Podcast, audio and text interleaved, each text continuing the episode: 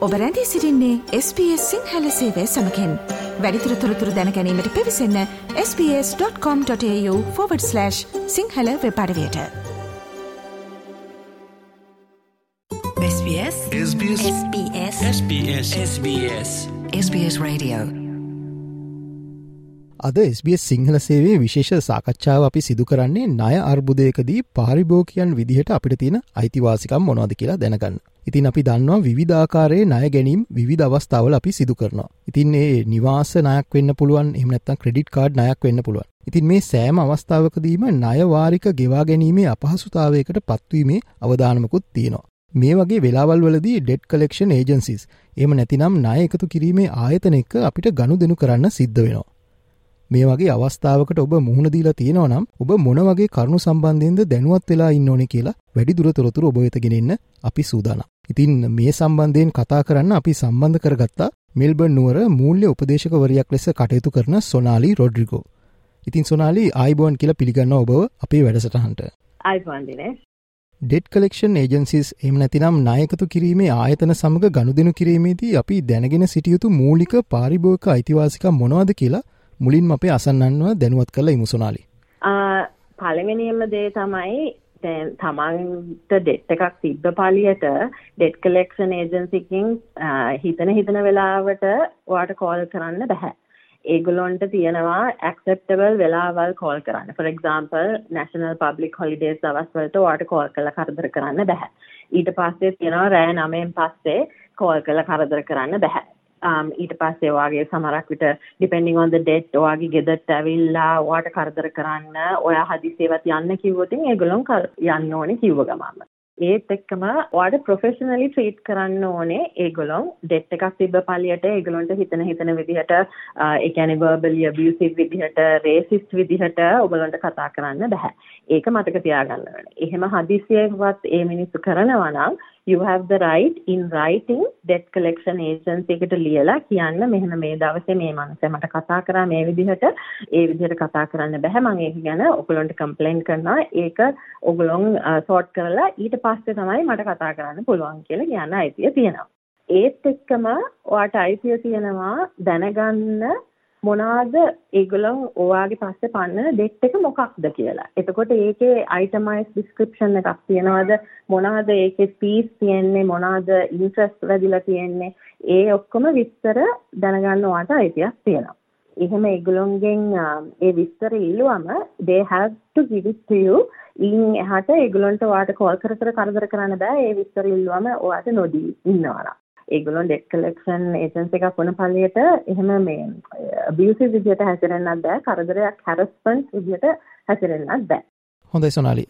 එතකොට මේ නායකතු කිරීමේ ආයතන අපි ගෙවිය යුතුයයි කියන මේ ණය ප්‍රමාණය සත්‍යද කියලා කොහොමද දැනගන්නේ? ඕගොල්ලන්ට අයිතිය තියෙනවා ඒගොල්ලොන්ගෙන් අයිටමයිස් ස්ටේට්මන්ට් එකක් ඉල්ලන්න. සමහරක් වෙලාවට අපි මතක තියාගන්න ඕනේ අපි කියමු ඕගොල්ලොන් බැංකුවකින් ණයක් අරගෙන දැන් ඒක ඩෙට් කලෙක්ෂන් එකට ගිහිල්ලා නම් සමහරක් වෙලාවට බැංකුව නෙමෙයි කලෙක්ෂන් ඇක්ෂන් ටික ගන්නෙ. ඒගොල්ලොන් ඒ ණය වෙන ඩෙට් කලෙක්ෂන් ඒජන්සි එකට විකුණලා තියෙනවා සමහරක් වෙලාවට. එතකොට um, ඔයාට මතක තියාගන්න ඕනේ දැන් ඔරිජිනලි ඔයාගේ ණය ගත්තේ බැංකුවෙන් නම් ඒ කොන්ට්‍රැක්ට් එකේ තියෙන්න ඕනේ ඔයා ගෙව්වේ නැත්නම් මොනවද ඒගොල්ලන්ට ගන්න පුළුවන් පියවර කියලා. ඉතින් දැන් debt collection agency එකෙන් ඊට වැඩිය ඔයාට fees charges එකතු කරලාද කියලා බලන්න ඔයාට අයිතියක් තියෙනවා. ඒකෙන් තමයි අපි කියන්නේ itemized statement එකක් ඉල්ලන්න කියලා. ඒතර ඒකේ තියෙන්න ඕනේ the amount, the date of the debt ඒගොල්ලොන් එතකොට fees and charges මොනවා හරි calculate කරලා තියෙනවා නම් කොහොමද ඒවා calculate කරේ? ඒතකොට interest rate මොනවාද? එතකොට ඔයාලට බලන්න පුළුවන් ඔයා ණය අරගෙන තියෙන ආයතනයෙන් ඒ contract එකත් එක්ක සංසන්දනය කරලා ඒවා මැච් වෙනවද කියලා. ඒ කියන්නේ ඒගොල්ලන්ට හිතන හිතන විදිහට රේට් වැඩි කරලා එහෙම ඔයාලට charge කරන්න බෑ. ඔයා ඔරිජිනලි contract එක අසන් කරලා තියෙන්නේ ඒ ගණන් ගෙවුව නැත්නම් මේ ගණන් තමයි charge කරන්නේ කියලා ඒක මැච් වෙනවද කියලා බලන්න පුළුවන්. එතකොට ඒ ස්ටේට්මන්ට් එක ඉල්ලුවම. දැන් ඔයා ස්ටේට්මන්ට් එක ඉල්ලුව වෙලාවේ ඉඳලා ඒගොල්ලන්ට ක්‍රෙඩිට් රිපෝට් එකට ඩිෆෝල්ට් ලිස්ටිං එකක් දාන්න බෑ මේ විස්තර ටික ඔයාට ලැබෙනකම්. ඒකට ඔයාට මේ අයිතිය තියෙනවා ඒක ඉල්ලලා ඒකත් එක්ක ඔයාගේ ඔරිජිනල් කොන්ට්‍රැක්ට් එකත් එක්ක බලලා ඒ ටික ගැලපෙනවද කියලා බලලා then you can agree uh, whether or not you owe the debt. එහෙම නැත්නම් ඒක ඩිස්පියුට් කරන්න පුළුවන්. මේක මෙහෙම මේ ගැලපෙන්නේ නැහැ. මේක හරියන්නේ නැහැ. ඔයගොල්ලෝ මට මෙහෙම තමයි ඔරිජිනලි කියලා තියෙන්නේ. ඒ හින්දා ඒවා ඇඩ්ජස්ට් කරන්න කියලා ඔයාලට ඉල්ලන්න පුළුවන්. ඔවසුනන් ඊළඟට මම දැනගන්න කැමති මෙම ණය එකතු කරන ආයතනයක් විසින් අපිට යම් හිරිහැරයක් හෝ අසාධාරණයක් සිදු කරලා තියෙනවා කියලා අපිට හැඟෙනව නම් ඒ සම්බන්ධයෙන් අපිට ගත හැකි පියවර මොනවද කියලා දැනුවත්වෙන්න. ඔව් මං ඉස්සල කිව්ව වගේ එහෙම හැරස්මන්ට් හරි ඉන්ටිමිඩේෂන් හරි වෙනවනම් ඩෙට් කලෙක්ෂන් ඒජන්සි එක පැත්තෙන් ෆෝමල් කම්ප්ලේන්ට් එකක් කරන්න ඕනේ in writing to the debt collection agency. එතට දැන් සමහරක් වෙලාට අපේ ක්ලාන්ස්ලට අපි සාම්පල් ඊමේල් එහෙම එවල තියවල තියෙනවා මේ විදිහට කියන්න. එකම දේ මතක තියාගන්න ඕනේ අපි හැම වෙලේම රෙකෝඩ්ස් තියාගන්න ඕනේ. අපිට කෝල් කරපු වෙලාවල් මොනවද කිව්වේ? එතකොට ඒගොල්ලොන්ගේ අතින් දැන් අපි හිතනවා නම් රේසිස් මොන හරි කියුණා හරි ඉන්ටිමිඩේට් කරන්න ත්‍රෙටන් කරන්න මොන හරි කියුණා නම් හරි ඒ ඔක්කොම විස්තර නෝට් කරගෙන තියාගන්න ඕනේ. එතකොට අපි රයිටින් කියනකොට ඉන්කම් මේ ඉන් රයිටින් කම්ප්ලේන්ට් එකක් දානකොට ඒ ඔක්කොම විස්තර ඇතුළත් කරලා තමයි දාන්න ඕනේ. එතකොට කෝල් කරන කෙනාගේ නම, එම්ප්ලොයි ID එක පුළුවන් නම් එයාගෙන් ඉල්ලගන්න ඒක සමහරක් වෙලාවට ඒගොල්ලෝ දෙන එකක් නැහැ. හැබැයි at least නම හරි ලියා ගන්න. ඊට පස්සේ debt collection agency එකට in writing formal complaint එකක් දාන්න. එතකොට they have to um, listen to you and then see what has happened there. ඊට පස්සේ ඒගොල්ලන්ට අවශ්‍ය පියවර ඒක වෙනුවෙන් ගන්න පුළුවන්. ඒත් එක්කම මං කලින් කිව්වා වගේ ඩිස්පියුට් එකක් තියෙනවා නම් ඒ කියන්නේ ඇග්‍රී වෙන්නේ නැත්නම් ඒගොල්ලෝ ආය කරලා තියෙන ගණන් එහෙම.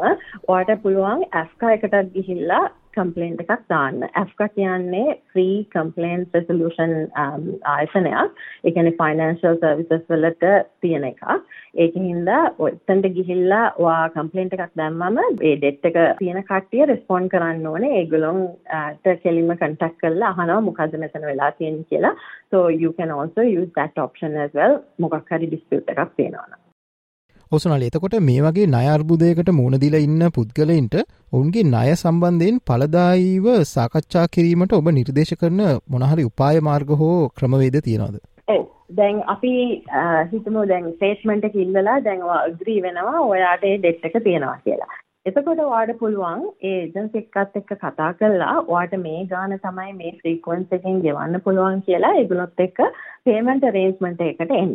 සමහරක් වෙලාවට පේමන්ට් අරේන්ජ්මන්ට් එකකට එන්නේ නැතුව ඒගොල්ලෝ කියනවා අපි තව ටිකක් කල් දෙන්නම් ඔයා මුළු ගානම ඒ දවසේ ගෙවුවොත් කියලා. ඔයාට ඒක ඕකේ නම් එතකොට ඒ ඔප්ෂන් එක ගන්න පුළුවන්. එහෙම නැත්නම් පේමන්ට් අරේන්ජ්මන්ට් එකට එන්න පුළුවන් ටිකක් කල් මාසික වාරික හරි ඒ විදිහට හරි ෆෝර්ට්නයිට්ලි හරි දාලා පේමන්ට් එක කරලා ඉවර කරන්න. එහෙමත් නැත්නම් සමහරක් වෙලාවට කියනවා එදාම ගෙවුවොත් සියට විස්සක් සියට විසි පහක් ඩිස්කවන්් එකක් දෙන්නම් කියලා ලම්සම් එකක් කිව්වොත්.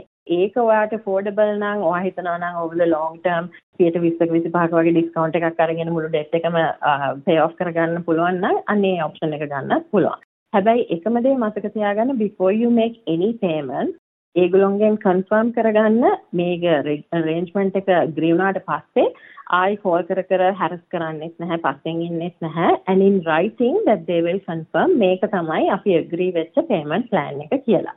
හදිසියවත් මොකක් හරි රීසන් එකකට ගෙවන්න බැරි නම් make sure you call them. හැම වෙලේම communication lines open තියාගන්න. contact කරලා කියන්න මෙහෙම දෙයක් වෙලා තියෙනවා. ඒක හින්දා මට payment plan එක කරගන්න බෑ. ඒක හින්දා manageable ගාණක් ඊට පස්සේ ඔයාලට ගෙවන්න chance එක දෙන්න කියලා ටික කාලයකට හරි. Another option is to use a debt management firm. සමහර companies තියෙනවා they can talk to the uh, agencies on your behalf. ඒ කියන්නේ අපි කියමු debt ගොඩක් තියෙනවා කියලා. ඒගොල්ලන්ට එතකොට ඔයා වෙනුවෙන් කතා කරලා පුළුවන් uh, negotiate කරන්න කලින් කිව්වා වගේ lump sums හරි වැඩිපුර ගෙවනවා. හරි discounts අරගෙන එතකොට payment options අරගෙන payment plans අරගෙන ඔයා වෙනුවෙන් කතා කරලා negotiate කරලා debt ටික අඩු කරගෙන ඔයා ගාවට ඇවිල්ලා කියන්නේ මේ ගාන තමයි ගෙවන්න තියෙන්නේ කියලා. එකම දේ මතක තියාගන්න ඒගොල්ලන්ගේ services ඔයා use කරනවා නම් ඒගොල්ලෝ ෆී එකක් charge කරනවා. ඉතින් ඒකින්ද හැම වෙලේම පුළුවන් නම් free alternative options බලන්න ඉස්සෙල්ලා. financial counselors ලා ඉන්නවා. Uh, if you call the National Debt Helpline, ඒගොල්ලෝගේ නම්බර් එක 1800 007 007 ළඟපාත ඉන්න ෆයිනෑන්ෂල් කවුන්සිලර් කෙනෙක්ව හොයාගන්න chance එක තියෙනවා. ඒගොල්ලෝගේ services ගොඩක් විට free. ඉතින් ඔයගොල්ලෝගේ පුළුවන් තරමක් free options use කරලා බලන්න um, debt uh, ටික සෝට් අවුට් කරගන්න පුළුවන්ද කියලා සල්ලි ගෙවන තැනකට යන්න ඉස්සෙල්ලා. ඉතින් අද අපි සාකච්ඡා කළේ ඩෙඩ් කලෙක්ෂන් ඒජන්සිස් එක ගණු දෙනු කිරීමේදී ඔබට පවතින අයිතිවාසිකම් ගැනයි. ඉතින් අද වැඩසටහනෙන් අපි සමුගන්නවා. තින් අපිත් සමඟ සාකච්ඡාවට අද දින එකතුනේ මෙල්බර් නුවර මූල්‍ය උපදේශිකාවක් ලෙස කටයුතු කරන සොනාලි රොඩ්රිගෝ. ඉතින් බොහොම ස්තුයි සොනාලි අද අපිත් එක එකතුනාට. thank you Dinesh. SBS. SBS. SBS. SBS. SBS. SBS Radio ලයි කරන්න ෂයා කරන්න අදහස් ප්‍රකාශ කරන්න SBS සිංහල ෆස්බුක් පිටුව ෆලෝ කරන්න.